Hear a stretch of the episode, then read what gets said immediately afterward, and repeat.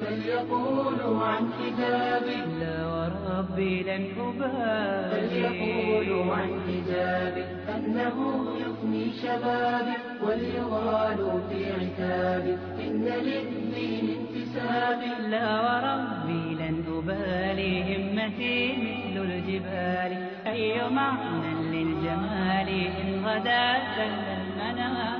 فليقولوا عن حجابي أنه يفني شبابي وليغالوا في عتابي إن للدين انتسابي لا وربي لن أبالي همتي الحمد لله رب العالمين والصلاة والسلام على رسول الله وعلى آله وأصحابه وسلم. Zahvala pripada Allahu Jalla šanuhu, donosimo salavat i salam po posljednji Allahu poslaniku Muhammeda sallallahu alaihi wa sallam. تجد شيء الله سبحانه وتعالى. يا أيها الذين آمنوا اتقوا الله حق تقاته ولا تموتن إلا وأنتم مسلمون.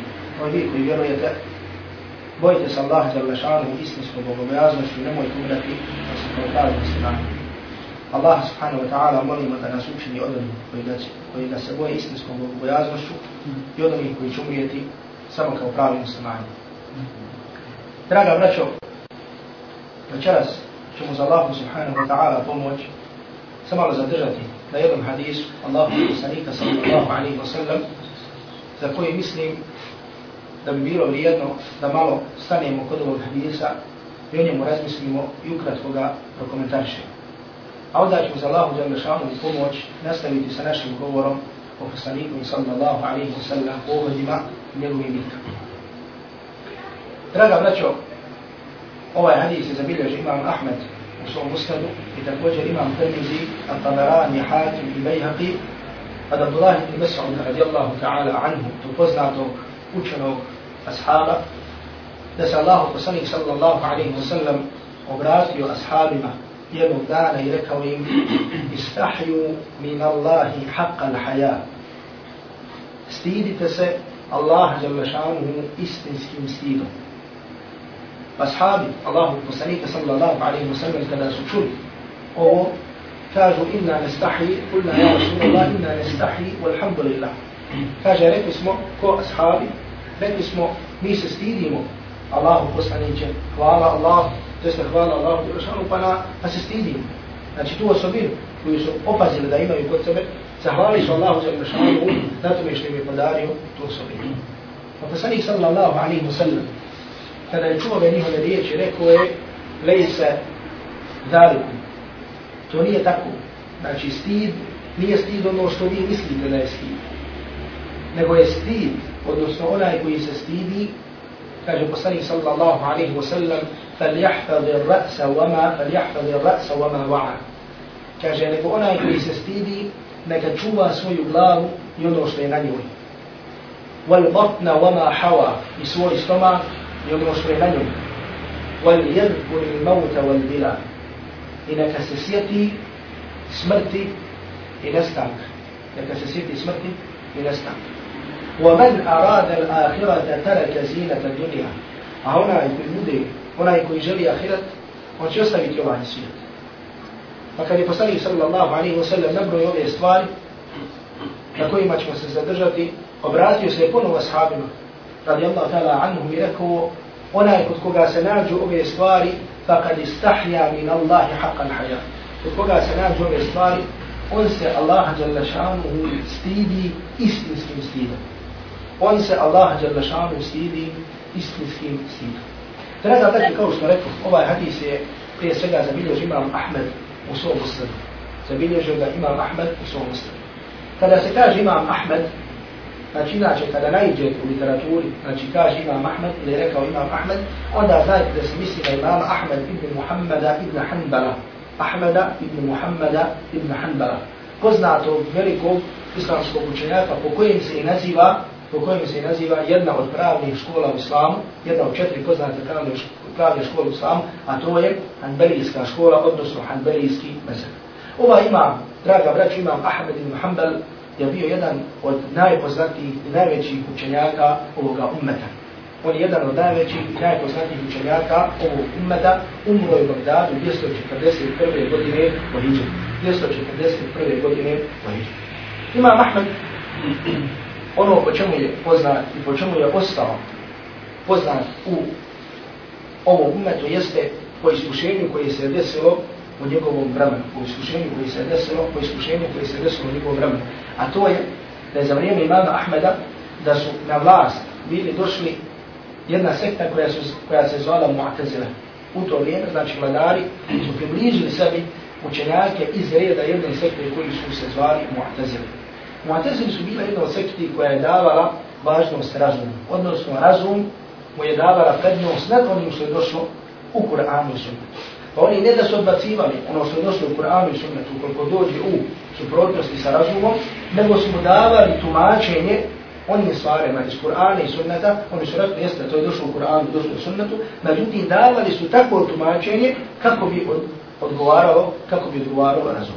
I veliki broj učenjaka u tom vremenu je došlo na iskušenje. Znači, radi strah od vladara, znači nisu smjeli da ustanu i da šta? I da dignu svoj glas. Ili su bili pozatvarani, ili su bili prisiljeni da šute i tako da. Za razliku od imama Ahmeda, za razliku od imama Ahmeda koji je ustao u to vrijeme, bio jedan od rijetkih, znači jedan od rijetkih pojedinaca koji su ustali i koji nijedne sekunde nije htio da se pokori ovom mišljenju.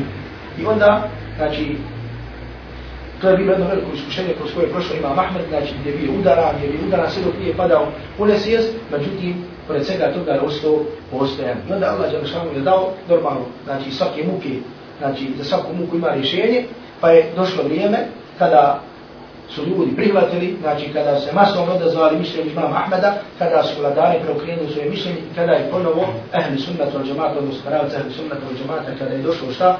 Kada je došlo na vlast. Također ovaj hadis zabilježi imam Tirmizi, Muhammed ibn Isa, Ebu Isa. Muhammed ibn Isa, Ebu Isa, umro od 272. 279. godine u Tirmizu, u Tirmizu, o čemu se zove i Tirmizi. Također ga zabilježi imam Tabarani, koji se zove po Tabarani, po gradu Tabereje, po gradu Tabereje, to je jedno od mjesta u Palestini, znači u današnjoj Palestini. I ono što je karakteristično za ovog učenjaka, jeste da ima dug život. Znači ovaj učenjak ima Tabarani, koji je, znači, svi su oni od sakupljača hadisa, znači imaju svoje zbirke, Imam Tabarani je živio preko stotinu godina. Imam Tabarani je živio preko stotinu godina, živio stotinu godina i deset mjeseci. I ako se sjećate, spomnjali smo onaj hadis koji je zabilježio Imam Tabarani, u kojoj posa, u hadisu kojem Allah poslani sallallahu alaihi wa sallam kaže došao mi je Džibril, pa mi je rekao Muhammed živi koliko hoćeš, gdje ćeš umrijeti. Znači Allahu Đalešanu mudrost je bila da taj hadis upravo zabilježi imam Tabarani. Pogledat imam Tabarani je živio koliko, preko sto godina. I također da ga od poslanika sallallahu alaihi wa sallam prenese ashab koji se zvao Sahel ibn Sa'ad as-Sa'adi radijallahu ta'ala anhu koji je također živio preko stotinu godina. To je također živio preko stotinu godina. I također je bilo Allahu Đalešanu mudrost, draga vraća da sam se jednom našao sa ših, šihom Kadirom, rahmetullahi alaihi, bio sam tada u Damasku student i umro je jedan od šehova, jedan od šehova u Šamu i ja sam zajedno sa šehom, znači uzro sam šeha i otišli smo ovaj, na tazi, znači tog šeha, znači kada dođu ljudi na porod izra, izrade sa učešće. Taj šeh je također bio doživio 100 godina. Taj šeh je također bio doživio 100 godina. Znači možda godinu ispod ili godinu koju iznad. I šeha Rahmetullahi Alehi na to mjesto znači spomenuo ovaj hadis. Znači spomenu ovaj hadis koji bi zabilježio, prenio neko koji je živio preko stotinu godina, a i zadesili smo se, znači da kažemo, na tom mjestu gdje umro čovjek koji je živio blizu stotinu godina, a pogledajte hadis upravo govori, znači u drugom životu, to je koliko god čovjek da živi, znači da će doći trenutak kada modi. Također ga zabilježi ima Hakima al-Bayhaqi. Draga braćo, sada ja sam ukratko ovdje spomenuo, znači ukratko nekoliko podataka vezano za biografiju ovih prenosioca. Zbog čega? Draga braću, zato što je veoma bitno da znamo, pa makar ukratko, znači makar ukratko po nekolike rečenice ovim našim velikanima. Jer dešava se, znači, da normalno, znači, s obzirom radi okolnosti u kojima živimo i radi mjesta i načina života u kojem živimo, da imamo dosta podataka vezano za neke ličnosti koje uopšte nisu bitne u našim životima. Međutim, kada su pitani islamski učenjaci, čak neki ljudi se smijali pa kažu Ebu ova, Ibn ova, Ebu, ko će se to pamati? Međutim, to su naši islamski, muslimanski učenjaci, draga braću koji su nama prenijeli djelo. Znači, pogledajte koliki je bio trud ovih muhaddisa, znači pogotovo učenjaka hadisa, jeste da su nam prenosili hadisa Allahu poslanika alaihi salatu sam. Međutim, ne samo da su prenosili, nego su gledali u lanac prenosioca, pa ko ima u tom lancu prenosioca koji je prenio taj hadis poslanika alaihi salatu sam, pa ima tu neko ko laže, ima neko ko tu namjerno izmišlja hadis, ima neko ko zaboravlja, ima neko znači sve su nam to, da kažemo, u znači potanane što se kaže prenijeli i pojasnili kada su pitanju riječ izreke Allahu poslanika sallallahu alaihi wa sallam. I zato je bitno znači da znamo znači za njih, znači kada u pitanju njihov život, kada su pitanje njihovi životi da znamo podataka, pa makar koliko su nekolike rečenice. Znači ovo je samo jedno, jedan posticaj za znači, naše, inače, e, za naše uopšte, znači na, je to naše obrazovanje kada je u pitanju islam i tako dalje. Draga braćo, ovaj hadis od poslanika alaihi salatu wa salam čuo poznati ashab koji se zvao Abdullah ibn Mas'ud radijallahu ta'ala an Abdullah ibn Mas'ud ibn Ghafir ibn Habib ibn Habib al-Hudali će nadma bio Abu Abdurrahman. Draga vreću, ovaj ashab je bio poznat po tome što je bio prvi među ashabima Allahovog poslanika alaihi salatu wa salam koji je izašao javno pred mušrike u Meku i počeo da uči Kur'an znači prvi koji je javno proučio i citirao Kur'an u Mekki pred mušnicima bio je ashab koji se zvao Abdullah ibn Mas'ud radijallahu ta'ala anhu. Abdullah ibn Mas'ud radijallahu ta'ala anhu. I draga reći ovaj ashab je otišao, znači kao daija, kao misionar, kao alim koji podučuje ljudi otišao u Kuf, u Irak i tamo iza sebe ostavio veliki broj učenika. Tamo iza sebe ostavio veliki broj učenika. I zato, na primjer, veliki broj mišljenja, ako vidite u Hanefijskom mezhebu, temelji se na mišljenjima Abdullah ibn Mas'ud radijallahu ta'ala anhu. Zato što Abdullah ibn Mas'ud, znači živio tamo u Kufi, znači upravo gdje je bio Ebu Hanife. Ebu Hanife uči od znači njegovi su učitelji bili učenici Abdullah ibn Mas'uda radijallahu ta'ala anhu. Međutim, onda se ponovo, onda se ponovo vratio u Medinu i tamo je umro. Onda se ponovo vratio u Medinu i tamo umro 32. godine u Hidžeti. Treba reći, pogledajte ovaj hadis Allahu poslanika alaihi salatu wasalam koji govori o stidu. Hadis koji govori o stidu. Znači, prije svega mi treba da znamo da mi kao muslimani, kao omladina Islama, treba da se okitimo jednom osobinom koja se zove stid.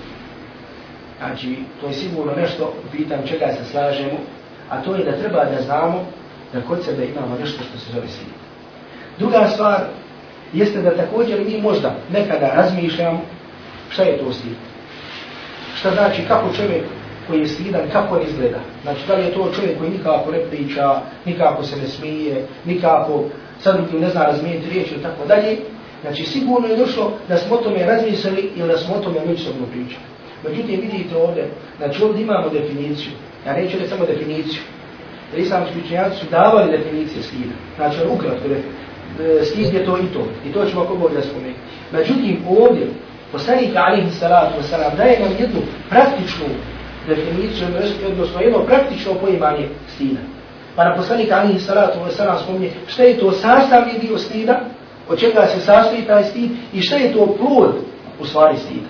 Znači šta je to, znači kakvi su plodovi jednog čovjeka koji je stidan, koji se stidi. Jer nekada može, za nekoga možemo reći da je čovjek stidan, međutim on nema tog plodova stida. A mi znamo da svaka stvar u islamu, svako poimanje, svako ubjeđenje ima svoje grane.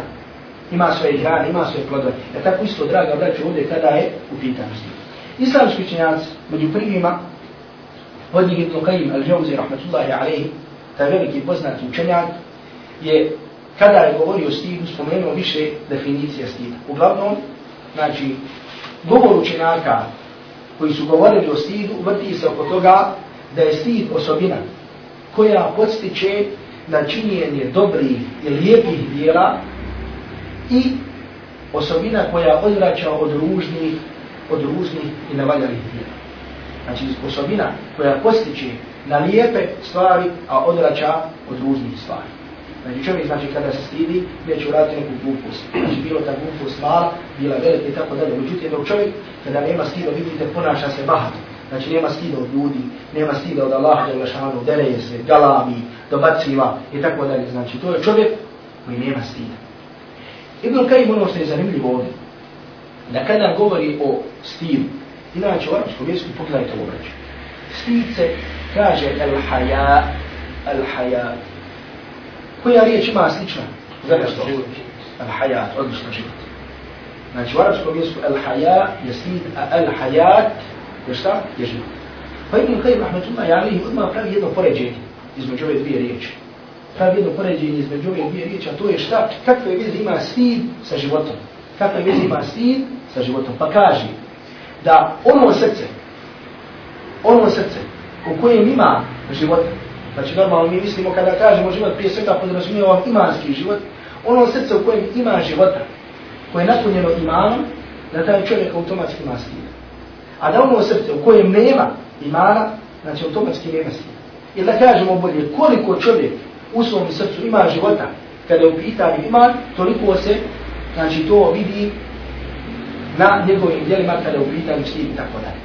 Znači pogledajte također jednog zapažanja koji spominje Ibn Qayyim rahmatullahi alihi. Draga vrećo također islamski učenjaci, kada su govorili o stidu, stid su dijelili na tri vrste. Prvo je stid prema Allahu za mešanu. Drugo, stid od ili prema ljudima. I treće, stid prema samom sebi. Ili da kažemo od samog sebi. Kada upitali, draga braću, stid od Allaha za mešanu, što znači stid od Allaha za mešanu? Znači da se čovjek stidi da uradi one stvari koje Allah za mešanu zabranio. Jer pogledajte, sve što ima čovjek na sebi, od blagodati, sve je to da Allah je rešao. Tvoj vid koji gledaš je blagodat od Allah je rešao. Tvoja usta koja vrši sve funkcije, znači to je da Allah je rešao. Tvoj sluh, tvoj razum, tvoje ruke. Ima li išta od toga, a da ti možeš reći da to nije od Allah je rešao? Ništa od toga. Međutim, čovjek kada uradi haram, uradi sa čim? Uradi sa tim organima.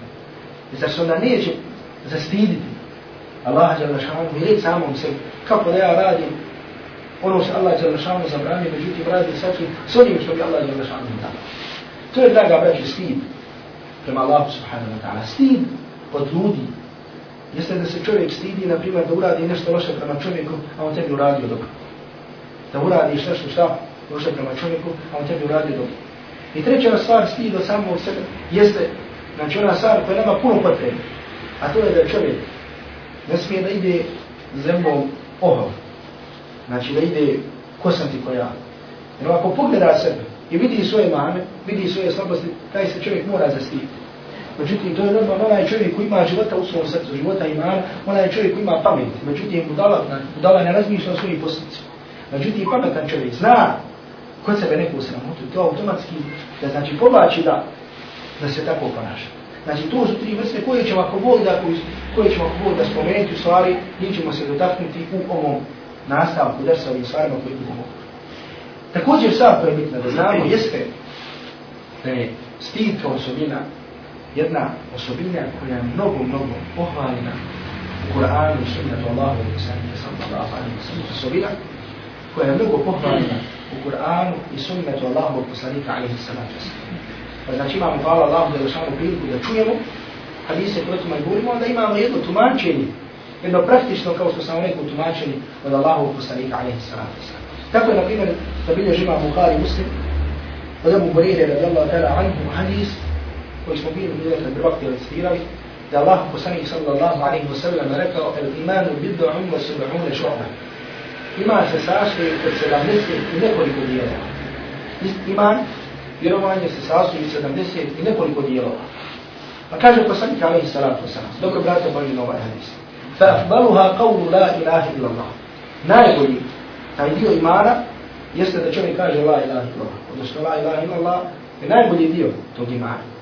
Pa kaže poslanik alaihi salatu wasalam, wa adnaha ematatu l'ada ali tariq.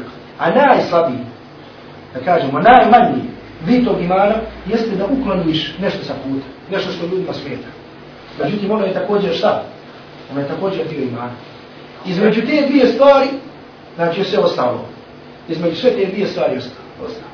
Međutim, od svih tih drugih stvari koji se nalaze između ove dvije stvari, poslanik alihi salatu wasalam izvojio jednu. Poslanik alihi salatu wasalam izdvoji jednu stvar, a to je da poslanik alihi salatu Salam nakon toga kaže wal haya'u min al-iman. A i stidi od imana. Znači pogledaj kako poslanik Ali Salatu Salam kaže. sellem. Najbolje Allah ilaha ila Allah.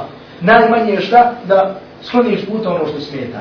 Pa kaže poslanik, wal haya'u min al-iman. I stid je dio iman. Znači, u svih tih stvari, draga braću, koje se nalaze između ovih najbolje i ove najmanje, znači, poslanik, alaihi salatu Salam radi važnosti, radi važnosti toga, izdvaja jednu osobinu koja se zove stid.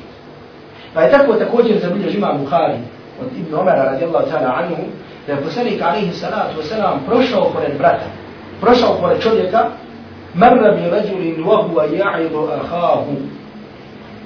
Da je prošao pored čovjeka kojeg je, znači prošao pored čovjeka koji drugog savjetovo fil haja, savjetovo ga u stilu. Kako ga savjetovo u stilu, govorimo nemoj se bala stidi, šta se toliko stidi, šta podaj. Znači govorimo da, se, da, da se puno ne stidi. Po poslanik alaihi salatu wasalam kada je to čuo, rekao je da'am, ostavi ga. Ostavi ga. Jer kaže, fa inna l'haja min al-iman, jer kaže, od stidi je dio imana. Ostavi ga, nemoj govoriti da se ne stidi. Jer kaže poslanik alaihi salatu wasalam, stid sastavni dio imana. I također što je zavidiš imam Buhari, od Ebu Sa'ida al-Hudri radijallahu ta'ala anhu, da Allah poslanik sallallahu alaihi wa sallam rekao, inna mimma adraka an-nasu min kalami nubuwati al-ula idha lam tastahi fasna maša. Jer poslanik alaihi salatu wasalam, ono što su ljudi zapamtili od prijašnjih poslanika, od govora prijašnjih poslanika, jeste jeste iza lam tastahi fasna maši. Jeste kada se ne stidiš, radi što hoćeš. Kada se ne stidiš, radiš što. Znači čovjek kada nema stida, to ga može da radi kako hoće. Čovjek kada nema stida, onda može da radi kako hoće, može da radi šta hoće. Ne uzme obzir pred kim šta kaže, kako šta kaže, tako dalje. Znači, znači ovdje, kao da poslanik Ali salatu wasalam prijeti. Ako se ne stidiš, možeš reći šta hoćeš. Međutim, za svaku stvar koju čovjek izgovori, svaka stvar koja izađe iz čovjekovih usta, zato će čovjek posebno, zato će čovjek posebno odgovarati. I zato, draga braćo, da vidimo kako nas poslanik, alaihi salatu wasalam, savjetuje. Poslanik koji Allah dželle lešanu mu poslao nama to kao milo svijetom. I pogledajte sad ovdje praktično što znači da je poslanik, alaihi salatu wasalam, milost svim svjetovima. Ne kaže Allah je da je on milosti prema svjetom, nego kaže on je milost, on je sad milost. I pogledajte kako nas ovdje poslanik alaihi salatu wasalam podučava jednom osobinu i daje nam do detalje primjere i pojašnjava nam šta znači da se stidimo Allah i Rašanu. Međutim, sada je na nama da li će to ući u naše srce i da li ćemo to sprovesti u praksu. Pa kaže poslanik alaihi salatu wasalam فَلْيَحْتَدِ الرَّأْسَ وَمَا وَعَ Onaj koji hoće da se stidi, neka čuva svoju glavu i ono što je na njemu. Znači, nakon što su, posla, nakon što su sahabi Allahu poslanika, alaihi salatu wasalam, rekao, mi se stidimo Allahu poslanića. Hvala Allahu jel mašanu. Jer oni su mislili da je stid ono šta? Onaj opšte poznati stid. Međutim, poslanik, alaihi salatu wasalam, daje im jednu tačnu definiciju stida. Znači, kao što sam vam rekao, sastavne, dijelo, sastavne dijelove stida i plodove stida. Pa kaže poslanik, alaihi salatu wasalam, fel jahtabe rasa vama va'a. Neka čuva svoju glavu i ono što je na glavi. Neka čuva svoju glavu i ono što je na glavi. Draga braću, šta je na glavi? Čovjek ima prije svega razum, ima pamet, kojima Allah je našao. I zato mi, hvala Allahu djelma šanu, muslimani, propisi koji su nam došli u ovoj vjeri, znači čuvaju naš pamet, čuvaju naš razum. I zato islamski učenjaci kada govore o mudrosti, odnosno o mudrosti uzroku zabrana alkohola, jeste što čuva čovjekov razum. Znači da čuva čovjekov razum. Međutim, druga stvar koju imam također, jeste da imamo sluh, da imamo usta i da imamo oči. Ove tri stvari, draga braćo, radi koji čovjek ulazi u džahnem. Znači jedna od stvari radi koji će najviše ljudi biti bačeni jeste upravo radi ovih stvari ili radi možda posebno jedne od njih koja se nalazi u ovih stvari. Zato dobro obratite pažnju na to. Da ove stvari koje nam je Allah dao, Sve što je Allah Đelešanu stvorio na nama, stvorio je radi jedne stvari. A to je radi čega? To je radi badita. Allah Đelešanu nam je dao sluh radi badita. Dao nam je usta radi badita. Dao nam je oči radi badita. I drugi je stvar da ne napravi. A tako ušima šta? Slušamo. Slušamo ovo znanje. Slušamo Kur'an. Slušamo sunnata Allahu od poslanika alaihi salatu sallam. I hvala Allahu Đelešanu učimo i trudimo se. Za razliku danas od ljudi koji slušaju stvari koje Allah Đelešanu zabrani. A među stvarima koje je najviše proširena jeste nešto što se zove muzika. Zato pogledajte koliko hadisa i kuranski ajeta u čim se komentaru kaže da je muzika zabranjena I hadisa Allahov poslanika alihi salatu wasalam u kojima se govori o zabrani muzike. Međutim, danas neki ljudi uporno kažu muzika nije zabranjena. I u Koranu i u sunnetu. Normalno, mi se sada nećemo osvrćati na tu temu, znači nije sada ovdje tema da spominjemo te dokaze. Međutim, e, ne samo da ovdje kažemo kako je muzika zabranjena, nešto što Allah Đelešanu zabrani, nego ćete vidjeti kako ljudi skoro da su počeli da kažemo neki obožavaju, a neki skoro da obožavaju tu muziku. I pogledajte kako je ta muzika, kako je to postala, kako je to postalo sastavni dio njihovog života. Kako je navelo da se okrenu od Kur'ana radi te muzike. I zato vidiš kada čuju kako se raduju, kako vanitaju, kako plaču, kako se smiju i tako dalje. Zbog čega, draga braću? Zato što su i njihove strasti odvale do toga. Znači njihove strasti su i odvale do toga. Allah je strasti, za strast nam kaže da to postaje božanstvo. Znači nisu samo božanstvo, nisu samo božanstvo ono što ljudi misle, znači kad dođe neki klanja se nekome, klanja se kiku, klanja se umi. Allah je lašanu kaže Fara'ajta man ittahada ilahehu hawahu Kaže se ti vidio onoga koji je svoje strasti uzeo za Boga svog. I sam ti vidio onoga koji je svoje strasti uzeo zašto? Za svog Boga, za svoje božanstvo. Wa adallahu Allahu ala ilmi. Pa ga Allah jalla šanu i radi iz njegovog znanja ode u zavod. Pogledajte, draga braću, ovog izraza kuranskog koji treba da vam ostane u glavama, Svima nama treba da bude u glavama. Wa اللَّهُ عَلَىٰ عِلْمِ. I Allah ga odveo u dalalet, odveo u zabludu pored njegovog znanja. Znači da je čovjek imao znanje. Međutim, Allah je završano ugodio u zabludu. Odveo ga u dalalet. Radi čega?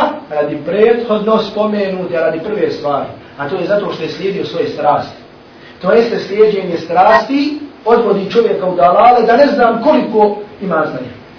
Zapamtite, znači da čovjek, koliko god ima znanja, da ga njegove strasti odvode, odvode, odvode ga u dalale. I pogledajte samo, pogledajte samo ovo kuransko gajanje. Pogledajte samo ovi kuranskih riječi, koje su jedna do druge, tako poredani, znači sa takim značenjem, na toliko stvari upućuju da čovjek o jednom ovom kuranskom ajetu, ne, o samo dijelovom kuranskom ajetu, o 5-6 riječi, da bi mogu govoriti satima i satima. Draga braći, to je nadnaravnost Kur'ana. Da naravno sa Allahom će Allahšanu govori. Jesi li vidio onoga koje svoje strasti uzeo za svoje božanstvo? Wa adallahu Allahu ala alim. I Allah ga ostavi u zabludi pored njegovog znanja. Wa khatama ala qalbihi. I zapečatio njegovo srce. I na njegov vid dao šta? Kopren. Znači pogledajte šta strasni čini. Zato vidite ljudi koji su toliko, toliko odavljaju tim pjevačima, tim pjevačicama i tako dalje, znači da je to nešto što je ušlo u njihovu krv, ušlo nešto u njihovo mjesto. Znači on kad vidi, znači on plaće, smije se, raduje se, skače, ne zna više šta će od sebe. Šta je to? Je to ono, je to nešto što je Allah Đelešanu dozvolio? Je to nešto što je Islam dozvolio? Znači, prepisivanje toga, da je Allah Đalešanu dozvolio takve stvari. Znači, To je stvari koja može da bude kupit da Allah Đelešanu sačuva. Da rekneš da Allah Đelešanu dozvolio nešto tako. Zato draga braći da nas Allah Đelešanu sačuva. Da nas Allah Đelešanu sačuva od slijedjenja strasti. Jer nešto najviše za što će se čovjek treba bojati u svom životu jeste slijedjenje strasti. Jer pazite, više vrsta slijedjenja strasti. Nije samo slijedjenje strasti i žena i metak, ko što ljudi misle, ne. Nego ima još vrsti strasti. Da čovjek ode možda i neko poimanje islama koje je njemu lakše. Pa ovdje rekao, jedna krajnost ode u poimanje islama, hajde može sve. Ono, bit ću muslima, klanjać, on može i ovo može. Druga ode u drugu krajnost. Drugu strasti njihove, ništa drugo nego strasti. Jer vedu to da kažu, ma svi su čatni, svi muslimani su čatni. I neki, neki dan poslom jedan pravomjerni, jedan guvahni, koja Allah Đalešanu ispravno pod navodnicima obožava, poslao jednu ilahiju, kaže, pogledaj, Kaže, vidi, brate, kaže, fina ilahija. Ja tamo kad ilahija, ono ilahija, tekst, ono, ljudi čime, ljudi misle da Allah obožavaju, a širku mu čime u džahennom će tako dalje. Kad tamo prizori sve muslimana, ono, prizor, ono, slika hiljadama muslimana pali na seđu, oni te prizor uzmaju u smislu kako će ti ljudi u džahennom. Jer da poslije toga dolaze crteži, pazite, crteži, ljudi, znači crteži džahennama. Znači, ko ovako vatra, tamo neka čudovišta, izlaze, ko to su ljudi, To su ljudi, znači, koji gore u džahnemu, ali kako to povezuju, znači, sa tim slikama, to su stvari, znači, muslimani. Oni su prije toga e, spome, tu došli sa slikama masa muslimana. Znači, u harabima, iz Merkanskog, iz Medijenskog harama, imami harama, znači, je sve istavljeno u kontekst kako će završiti u džahnem radi svog širka i tako dalje. Znači, šta je to? Znači, prvo kaže, šta je to? Ništa druga, draga vraća nego strast. I nema tu da čovjek kaže, oni vole Allah i poslanika. To ko voli Allah i poslanika, to je njegova stvar. To je privatna stvar. Međutim, čovjek nekada i pod imenom ljubavi prema Allahu, prema Allahu Đalešanu i prema poslaniku alaihi salatu wasalam, radi svojih strasti ode u takvu stvar, međutim, to je druga. Međutim, vratimo se ovdje rečima Allahu poslanika alaihi salatu wasalam, gdje kaže neka čuva svoju glavu i ono što je na njoj. Draga braćo, čuva svoj pogled, da ne gleda ono što Allah Đalešanu zabranio. Jer draga braćo, Allah Đalešanu kaže, reci vjernicima neka obore svoje poglede. Zatim Allah Đalešanu nam je zabranio da slušamo ono što je Allah Đalešanu zabranio, da slušamo gibet, da slušamo i da potvrđujemo taj gibet kada se neki brat omalovažava. Zatim nam je Allah Đalešanu zabranio da govorimo ono što je ružno, ono što je haram. I ono što mi posebno ovdje želio, da se malo zadržimo i obratimo pažnju. U ima Allaha podsjetimo jedni drugi na to, draga braću, to su, to je jezik. Stvari to su naši jezici. Kao što se bilježi imam termizi u svom sunanu, od Ebu Sa'ida al-Hudri radijallahu ta'ala anhu, da Allahu poslanik sallallahu alaihi wa sallam kaže da svaki dan, da svaki dan, kada إذا أصبح ابن آدم svaki dan kada osvane, kada osvane čovjek, sin Adama, kaže fa inna al-a'da'a mukaffiru lisan. Kaže svaki dan kada čovjek osvane, kaže svi dijelovi tijela se obraćaju jeziku. Svi dijelovi tijela se šta? Obraćaju jeziku. I govore mu ittaqi Allaha fina. Boj se Allaha radi nas. Boj se Allaha radi nas. Fa innama nahnu bike.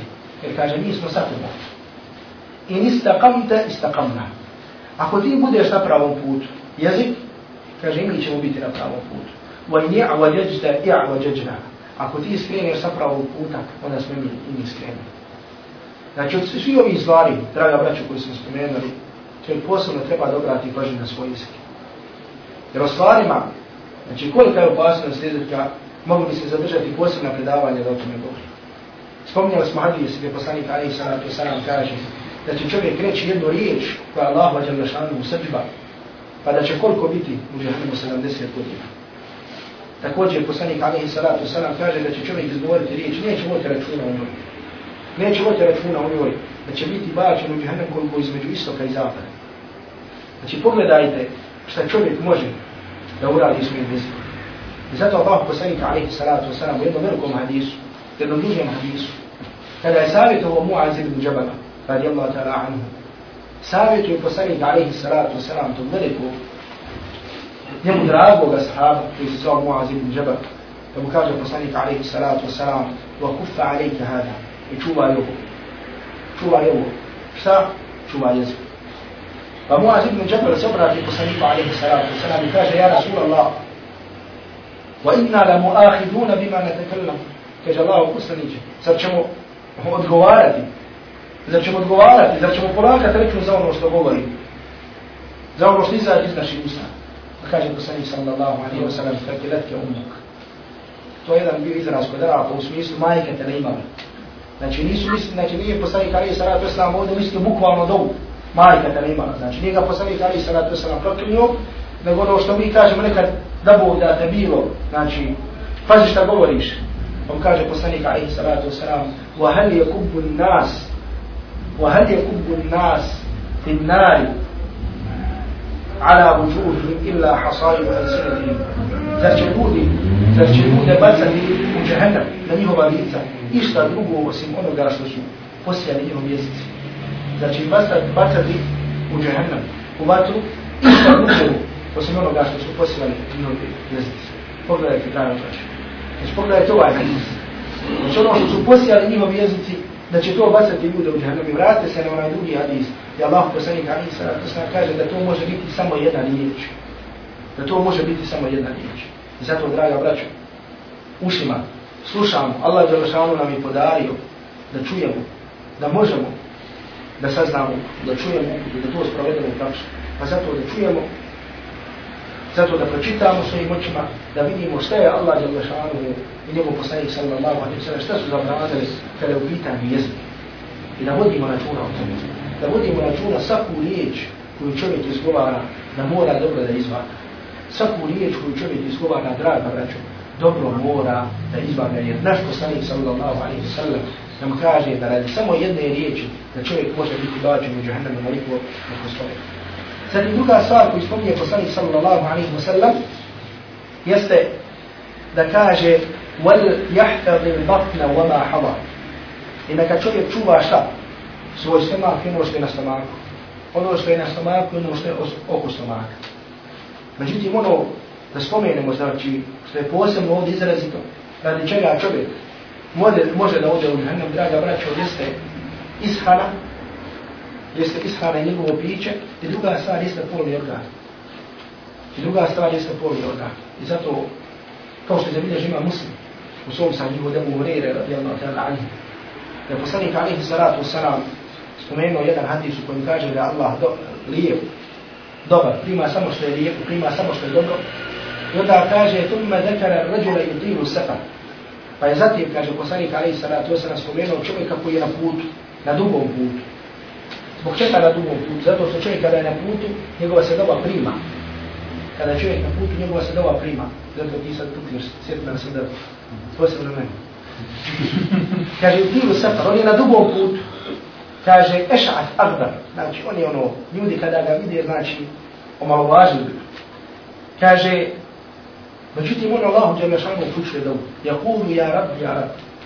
On Allahu Đelešanu upućuje u takvom stanju dobu. I govori, ja rab, Allahu, Allahu. Međutim, kaže poslanik alihi salatu wasalam, wa mata'amuhu haram. Znači, ono što jede, to je haram. Wa mašarabuhu haram. Ono što pije, to je haram. Malbasuhu haram. Ono što nosi, to je haram. Znači, ponovo haram za, za Wa gudije bil haram. Znači, sad njegova ishrana je haram. Pa kaže poslanik sallallahu alaihi wa sallam, fa anna istajabu lahu, pa kako njemu da se odazove? Kako da se njemu odazove na njegovu? Zato, draga braću, sad kod nas ima, Dakle, braću, sad kod nas ima potrebu da Allahu jalla šanu uputi na put Međutim, kao što smo rekli, znači, kad doba ima svoj put do Allahu jalla šanu, koji ako je zatrt, znači ne može doba da dođe do Allahu jalla a ti harami su te prepreke koji mogu da budu. Ti harami su te prepreke. Zato jedna od osnovnih stvari jeste da čovjek jede, da čovjek pije ono što je Allah dželle šanu zabrani, znači to je prepreka. A od osnovnih stvari znači da se čuvaš od onoga, da čuvaš svoju hranu, da čuvaš svoje piće, da vodiš računa o tome.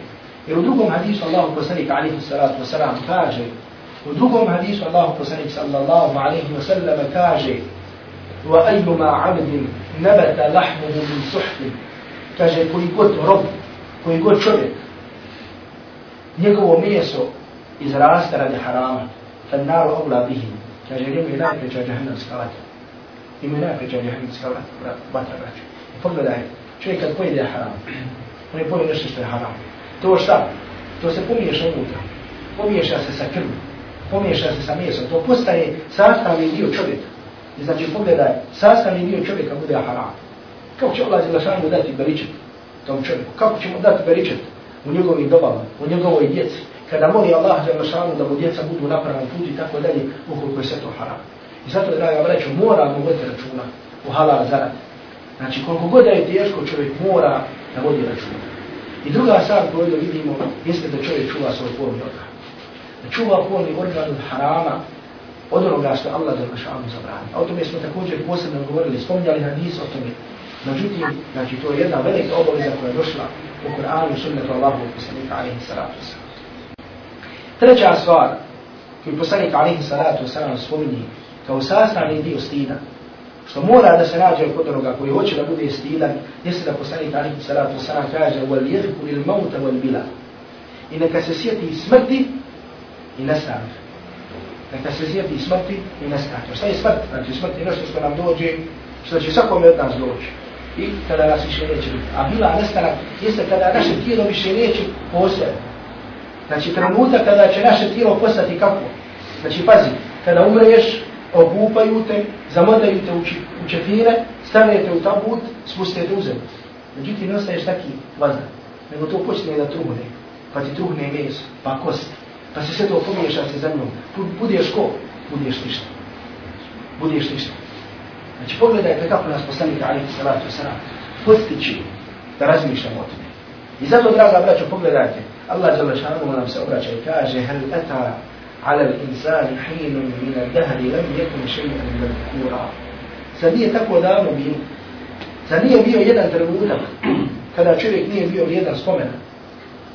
Zar prije nego što smo stvoreni, prije nego što smo rođeni, zar nije bilo, bio trenutak kada uopšte, znači nije bilo nikakve veze između nas i postoja. Pa nas Allah Đalešanu dao. Pa nas Allah Đalešanu dao. Zbog čega? الذي خلق الموت والحياة ليبلوكم أيكم أحسن عملا onaj koji je stvorio smrt i koji je stvorio život, samo da bi nas iskušao koji će od vas bolja djela.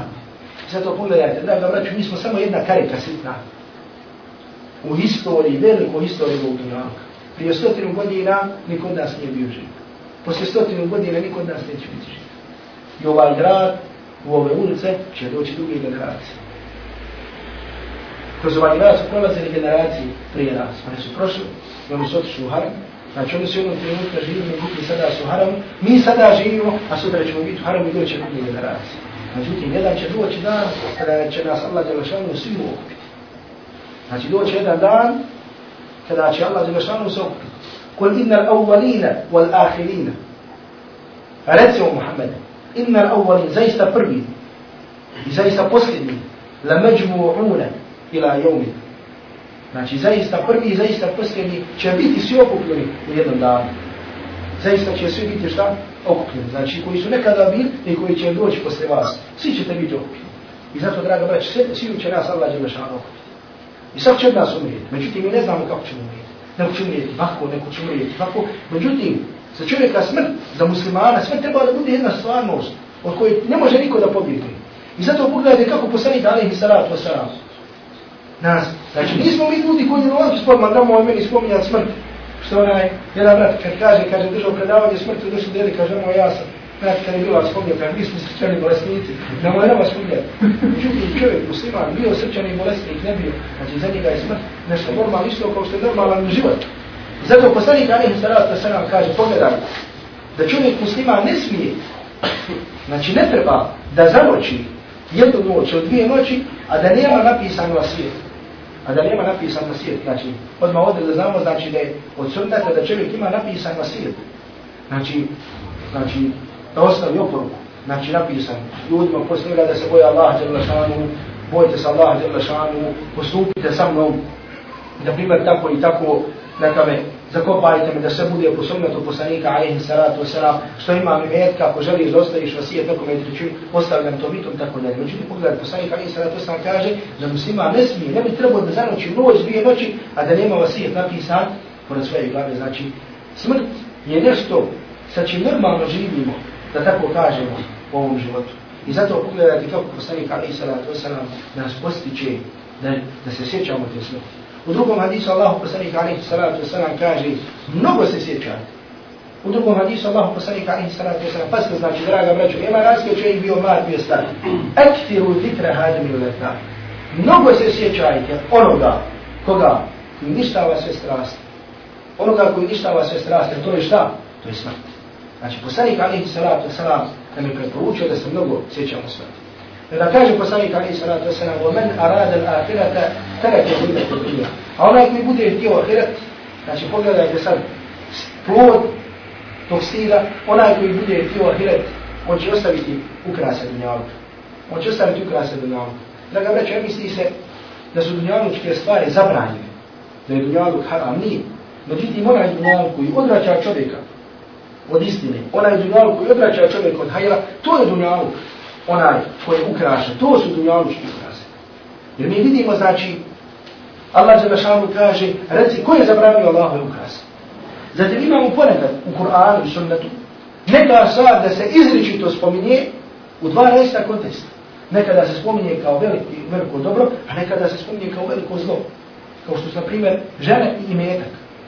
Allah je rešan, Allah poslanik alaihi salatu wasalam kaže, Allah je dao da budete, hadis koji zabilježi muslimo da mu hurire da doma tada anhu, Allah je dao vas da budete na umen dunjavu. da bi Allah vidio kako ćete vi raditi. Fattaku dunja, vattaku nisa. Pa se čuvajte dunjalka pa i čuvajte se žena. Jer prvo iskušenje koje je bilo među silovima Israilovi, među Israilom, bilo je radi žena.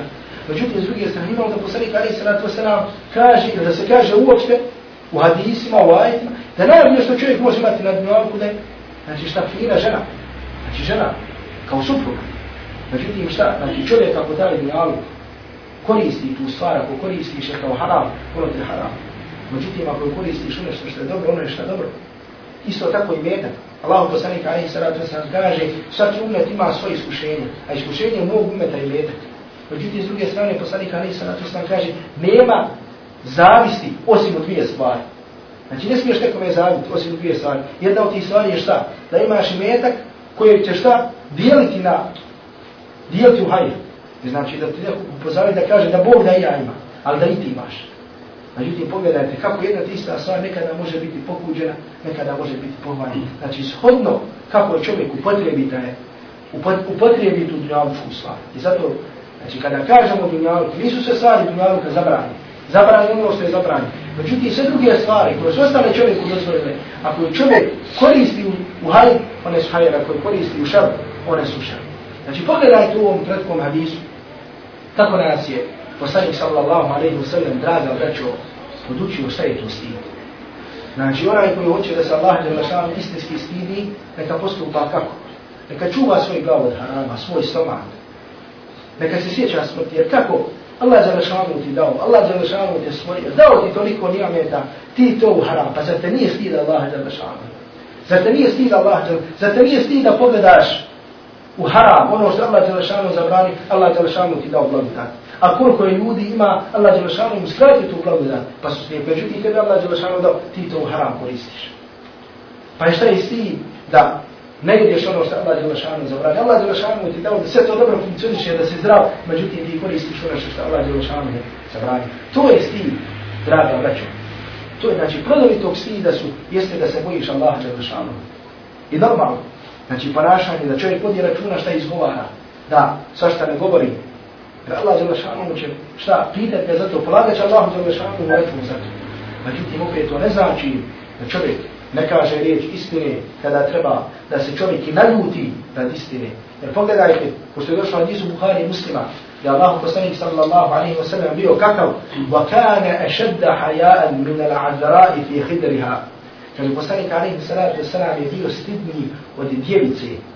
Bio stidniji od djevice kada se osami sa svojim mužem. Znači, kada se djevice uda, pa ono prvo veći sa svojim mužem, ona je kakva, ona je stidna. Poslanik alaihi salatu wasalam je bio stidniji. Znači, imao je veći stid od toga. Ali se šta se kaže u drugom dijelu hadisa? وَكَانَ إِذَا كَرِهَ شَيْئًا عَرَفْنَاهُ فِي وَجْهِهِ Međutim, poslanik alaihi salatu wasalam, kada bi vidio nešto, إِذَا رَأَ مَا يَكْرَهُ Poslanik ali salatu wasalam, kada bi vidio ono što bi presjerao, znači što je suprotno islamu, znači šta kažu ashabi, kaže to vidjeli na njegovom licu, znači odmah se poslanik ali salatu wasalam zacrvenio. Znači zacrvenio bi se kad bi vidio na pravu. I zato ko se zabilo živa Buhari u svom sahihu, od Aisha radijallahu ta'ala anha, da je bila žena koja je ukrala. I ljudi s vremena te žene su došli kod Zaid, kod Usama ibn Zaida. Znači nekoga koji je bio drag Allahom poslaniku alaihi salatu wasalam. Došli su kod Usama ibn Zaida, jeste šfi'unahu. Znači, tražili su od njega da posreduje. Da ode kod Allahovu poslanika, alihi salatu wasalam, da kaže Allahu poslaniće, nemoj da otkim trubu. Došli su šta? Znači, ljudi s te žene, došli su kod ashaba koji se zvao kako? Usama ibn Zaid. I tražili su da budu posrednik kod Allahovog poslanika, alaihi salatu wasalam. Pa kada je došao Usama ibn Zaid kod Allahovog poslanika, alaihi salatu wasalam, i kada mu je rekao, Poslanik alaihi salatu wa mu se obrati i rekao, etu kellimuni fi hadde bin hududillah. Zar mi se obraćaš ovu same? Zar mi se obraćaš kada u pitanju šta? Kada u pitanju kazna od Allahovi kazni? Pa, ibn Zaid kada ovo čuo, rekao, istagfirullah. Rekao, istagfirullah. Istagfir li. Tražio ko za mene Allahu poslanić. Pa Allahu poslanić sallallahu alaihi wa sallam posle toga malo ustao. Donio zahvalu Allahu jalla i rekao, Zaista su ljudi prije vas propali radi čega? Zaista su ljudi prije vas propali radi čega? Radi čega? Kanu idha saraka fihimu šarif tarakuhu. Znači propali su tako kada bi, među njima kada bi neko ko je ugledan, koji imao neku snagu, imao neku moć, kada bi ukro, tere puk, uh, oni bi ostali. A nećemo nad njim, hajde, nemoj drugi put i gotovo. Nemoj više, nemoj da se ponovi momak i gotovo. Wa idha saraka fihim od-da'if, aqamu alaihi had. Međutim, kada neki miskin ukrade, oni šta? Znači, na njim izvršuje kazne. Isto danas policajac kada ostavi nekog jadu, oguli ga, međutim, kada je neko ugledan, hajde nemoj momak više da se ponovi. Wa idha saraka fihim od-da'if, aqamu alaihi had. Međutim, kada neki, neko koji slabaš, neko ko nema snage, neko ko nema moć kada ukrade, onda šta? Onda uspostavi nad njim Allahu jel šanhu kaznu. Znači isto danas ima tvoračno u svijetu. Alhamdulillah, znači pozitivno je što ljudi sprovode Allahu jel šanhu kaznu. Međutim, sprovodi se, ne sprovodi se tamo kazna kada neki princ i neka princeza, kada bludniče, kada zinaluče, kada pjolko i tako dalje, ne. Nego njima se, međutim, kad neki je tamo jadni, uradi neki grih, onda se na njih sprovede kazna. Pa kaže poslanik alaihi salatu sana nakon se ovo rekao, وَالَّذِي نَفْسُ مُحَمَّدٍ بِيَدِهِ I tako mi onoga u čijoj ruci Muhammedova duša.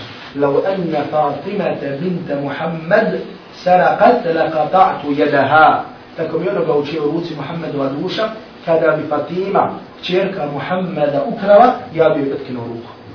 Tako bi onoga u čijoj ruci Muhammedova duša, kada bi Fatima, čerka Muhammeda ukrala, ja bi joj otkinuo ruku. Ja bi otkinuo ruku. Pogledajte, znači, draga braću, ovdje. Znači šta hoćemo da povežemo, kako poslanik alaihi salatu salam je bio stidan, kakav je imao stid. Međutim, taj stid ne smije da čovjeka odvrati od hajra. Znači taj stid, neko je znači previše stida, pa kada vidi nešto, ne smije nešto od stida. Kada vidi ovo, neće ovo od stida. Znači stid ne smije, znači koliko je god, znači rekli smo da je stid nešto što podstiče na činjenje dobra, a odvraća od loša. Znači ne smije da čovjeka dovede u tu priliku, da ga odvraća od dobra, a da ga tjera znači da čini nešto što je loše, da prišuti kada je u pitanju nešto loše, tako da.